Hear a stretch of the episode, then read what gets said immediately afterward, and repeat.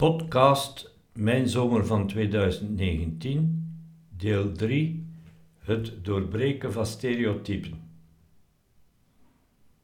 De derde podcast van Mijn Zomer van 2019 is geïnspireerd door de Radio 1-uitzending van De Zomer van 2019 van 26 juni, toen Karen Hansen, schilder en feministe, naar liedjes zocht die stereotypen doorbreken. Gezien ik een paar dagen voordien het in de uitzending met als thema Parijs, deel 1 van deze serie, had over de versie van Emmylou Harris en Linda Ronstadt van David Olney's prachtige song 1917, dacht ik direct aan dit lied. Omdat deze song het stereotype van het Parijse oertje doorbreekt. Het meisje van plezier is in deze song een meisje van troost, die meeleeft met de soldaat, die zijn verhaal doet over de gruwelen van het leven in de loopgraven van de ijzer. In de eerste podcast konden jullie, Eloïse, Edward en Elvire, luisteren naar de originele versie van dit lied. Hierna heb ik de versie van Emmylou Harris en Linda Ronstadt ingelast. Omdat het lied gezongen wordt vanuit het perspectief van een Parijse lichtekooi, komt deze versie, gezongen door Emmylou, een vrouw met als tweede stem die van Linda, ook een vrouw, meer tot zijn recht dan het origineel, gezongen door David, een man. De tekst van het lied geeft weer dat het bezoek van de soldaat aan de prostituee veel meer is dan het hebben van een nachtgoedkope extase. En voornamelijk zoeken is naar rust en a woman's arms to hide him. Zoals ik al in de eerste podcast van deze reeks zei, doet het lied mij stevast denken aan mijn grootvaders aan moeders zijde, Gustave Médard, en zie ik me daar in de rol van de soldaat, dit door de lyrics van het lied. The strange young man who comes to me, a soldier on a three-day spree, he needs one night's cheap ecstasy and a woman's arms to hide him. He greets me with a courtly bow and hides his pain by acting proud. He drinks too much and he laughs too loud. How can I deny him? Let us dance beneath the moon. I'll sing to you, Claire de Lune. The morning always comes too soon, but tonight the war is over. He speaks to me in schoolboy French of a soldier's life inside a trench, of the look of death and the ghastly stench. En dat het de soldaat meer te doen is om getroost te worden dan wat dan ook, maakt de volgende strofe duidelijk. Hold me neath the Paris skies, let's not talk of how or why, tomorrow's soon enough to die, but tonight the war is over. We make love too hard to fast, he falls asleep, his face a mask, He wakes up with the shakes and he drinks from his flask. I put my arms around him. De laatste strofe geeft aan dat die grote oorlog een kantelpunt betekende. Old world glory, old world fame. The old world's gone, gone up in flames. Nothing will ever be the same, and nothing lasts forever. Oh, I'd pray for him, but I've forgotten how. And there's nothing, nothing that can save him now. There's always another with the same funny bow. And who am I to deny them? Het mooie aan de versie van Linda Ronstadt en Emily Harris is dat, hoewel het meisje het bidden verleerd is, het lied afsluit met een in het Latijn gezongen Requiem.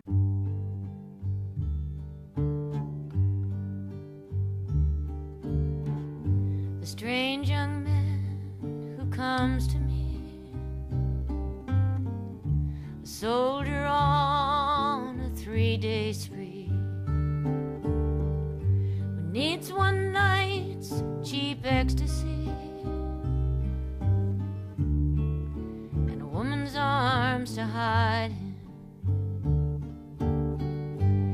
treats me with a courtly bow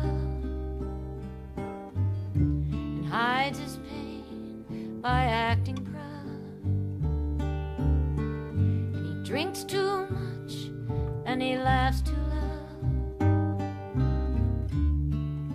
But how can I deny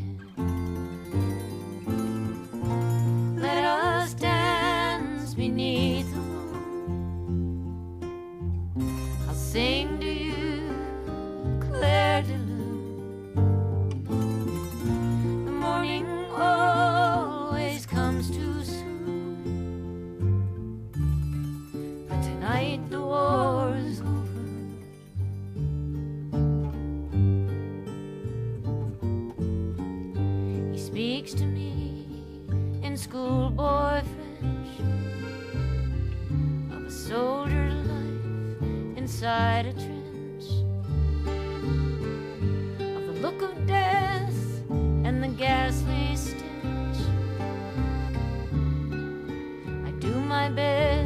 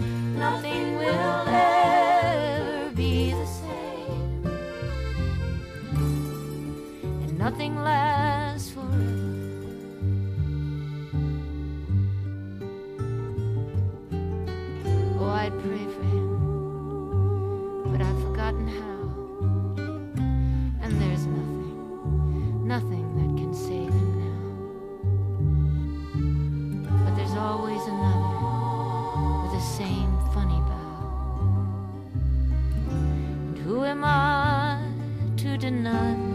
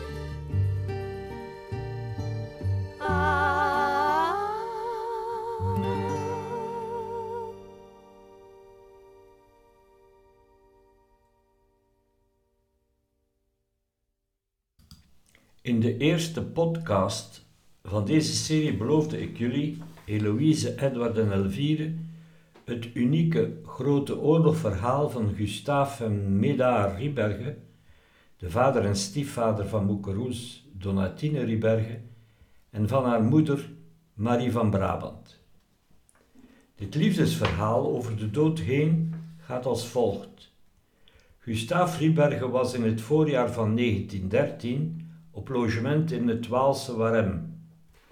Hij was een Vlaamse wegenwerker aan de slag in Wallonië en, gedurende die periode, verbleef hij in een gasthuis. Dit gasthuis werd gerund door de ouders van een jonge freule, Marie Marguerite van Brabant. Gustave en Marie mochten elkaar wel en het resultaat bleef niet uit. Marie raakte zwanger en dus werden de trouwklokken geluid. Omdat Gustave niet eeuwig in de streek rond Warem zou blijven werken, besloten ze dat het beter was voorlopig in Baldegem bij Gustaves ouders in te trekken.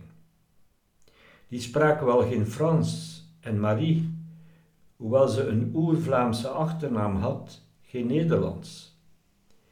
Het echtpaar besloot evenwel dat het kind in Baldegem zou geboren worden. Dit was zonder de kindjes, want het ging om een tweeling gerekend. Tijdens de treinreis begonnen de weeën en uiteindelijk beviel Marie in Elsne, een van de 19 gemeenten van Brussel, en dit op 2 januari 1914. Het jongetje stierf kort na de geboorte en de meisje, dat later mijn moeder werd, kwam iets later die maand uiteindelijk bij haar grootouders in Baldegem aan. Daar zou Moeke Donatien ook opgroeien.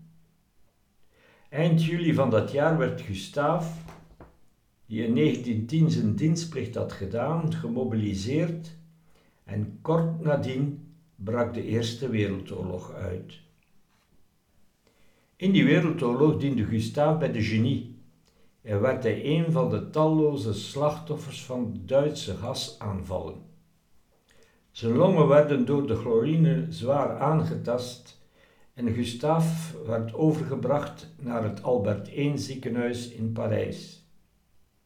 Zijn jongere broer Médard, ook frontsoldaat, bezocht de stervende Gustaaf en die laatste vroeg Médard hem te beloven voor zijn vrouw Marie en dochter Donatine te zorgen. Gustave overleed kort nadien op 18 oktober 1916. Hij werd eerst begraven op de begraafplaats Ivry, een van de twintig begraafplaatsen van Parijs, en later bijgezet in de crypte van de Belgen die stierven in de Grote Oorlog in Frankrijk. Deze crypte bevindt zich op de begraafplaats Père Lachaise. Zijn naam is vermeld aan de ingang ervan, evenwel met een kleine fout. De H in zijn familienaam werd als een U gebeiteld. Na de oorlog kweet Médard zich van de taak die hij had aanvaard. Hij deed dit in die mate conscientieus dat zijn toenmalig grief het zodanig op haar heupen kreeg dat hun de relatie afsprong. Uiteindelijk huwde Médard een paar jaar later met moeder Maria, zoals haar kleinkinderen, waaronder ikzelf, haar noemden. Het paar kreeg te maken met heel wat tegenslagen. Médard heb ik nooit volledig hersteld geweten van de gasaanvallen die ook hij te verduren had gekregen in de streek rond Yper, een dertig jaar voor mijn geboorte. En het echtpaar verloor ook vier kinderen op een heel jeugdige leeftijd door ziekte of ongeval. Uiteindelijk had mijn moeder twee driekwart broers, Laurent en Pieter, en twee driekwart zussen, Laurande, die wij tante Rande noemden, en Jolande. Médard hield van mijn moeder alsof het zijn eigen dochter was. Een anekdote die mij altijd zal bijblijven gaat over de laatste keer dat Moeke Donatien haar tweede vader sprak. Hij had haar gevraagd naar zijn ziekbed te komen.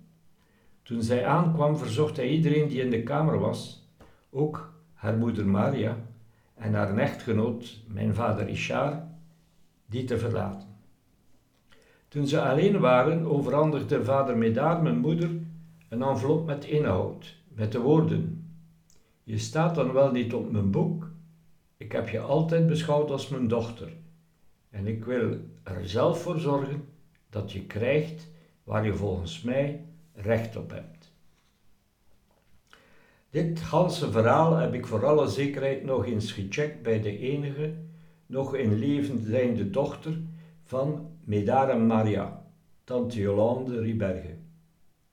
Tante Jolande vertelde dat ze drie jaar was toen Moeke Roes mij Fake trouwde. Als peuter vroeg ze aan moeder Marie wie die kerel was die haar oudste zuster meenam. Marie antwoordde: Dit is je broer Richard. Ik heb mijn vader door zijn schoonbroers en schoonzusters nooit anders horen aanspreken als broer Richard. Dat schoonbroers en schoonzussen zussen zodanig in de schoonfamilie aanvaard worden dat ze aangesproken worden met broer en zus, is een waarde die ik nergens anders heb beleefd gezien. Ook niet in het gezin waar ik deel van uitmaak. Het verhaal van mijn beide grootouders heb ik ooit sumier gedaan in de uitzending van de zomer van 2018 met als gast eh, Piet Gielens en als thema de Eerste Wereldoorlog. De uitzending van die dag begon met Ode aan die Freude van Beethoven en de toon was gezet. Ik stuurde als suggestie Road to Joy van Bright Eyes. En dat niet alleen omwille van de titel van het lied. Daar Piet Gielens directeur is van het Ipers in Flandersfields Museum en het thema, dacht ik uiteraard aan mijn beide grootouders aan moederskant. Hey, dag Johan Roels. Goeiedag, uh, Sten uh, uh, Koen. Ja, Koen is het en Piet. Johan, uh, wij zoeken anti-oorlogsliederen. Waar denk jij dan aan?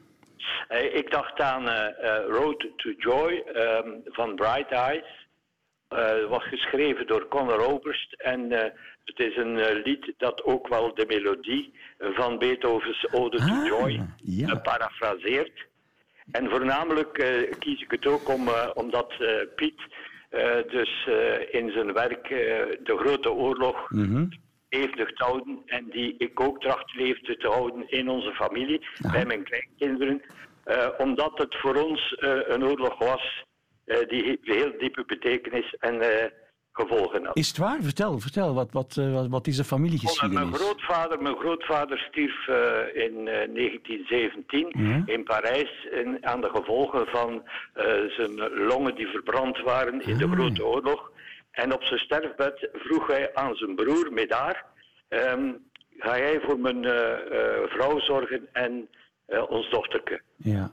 Dat dochterke, dat was mijn moeder. Ja. En uh, Medar heeft dat uh, heel conscientieus gedaan. Ja. Die mate dat zijn toenmalig lief dat niet leuk vond. En uiteindelijk, jaren, jaren nadien, zijn met moeder Maria ge gehuwd. Ja. En zo heeft mijn moeder niet alleen halfbroers, maar zijn het driekwart broers en driekwart zussen. Ja. En zijn ze toch gelukkig geworden. En het was dus jouw grootvader die uh, slachtoffer is geweest van... Mijn echte grootvader uh, stierf in de oorlog. Ja.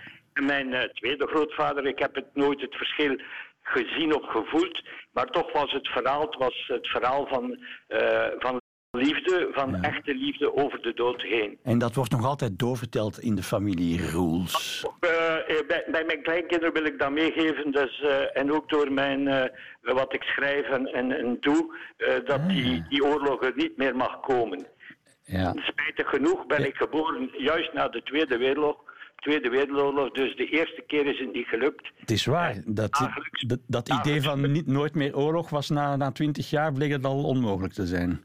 Ja, en, en nog steeds zien we. En daarom eh, wil ik Piet eh, steunen in zijn actie om dat levendig te houden en zeker naar dat ideaal te streven. Ja, het beetje naïef, de naïeve overtuiging dat liedjes daar iets aan kunnen doen. Hmm, misschien niet dat liedjes er iets kunnen aan doen, maar dat je dat eh, in je leven gewoon voor je moet houden. En af en toe helpt een liedje om je daaraan te herinneren. Precies. Johan, uh, Bright Eyes gaan we luisteren met Road to Joy. En dat is familie van uh, die melodie van Beethoven. Ik heb het gevoel dat we die, die melodie nog een paar keer gaan horen voorbij komen vandaag. Dat maar dat, mag. ik ook. Ja, de zomer van Atradio 1, de zomer van atradio1.be. Daar moet u zijn met uw mailtjes, met muziek die uh, te maken heeft met hoe houden we de oorlog tegen.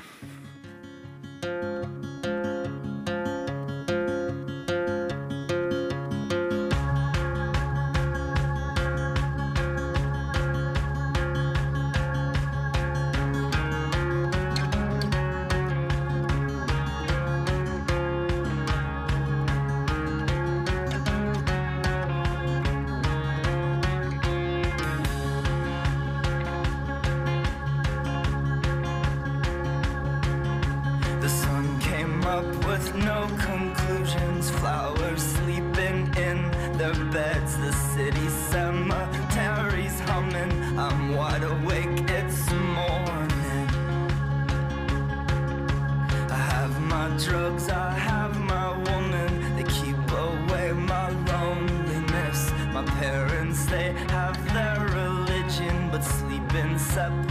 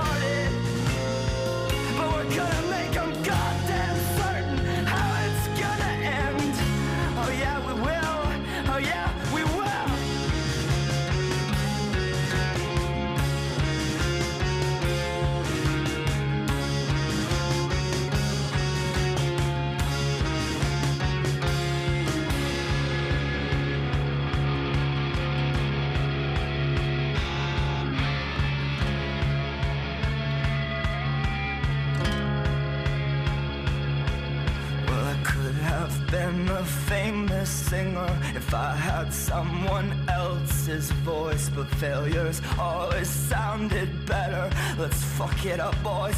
Make some noise!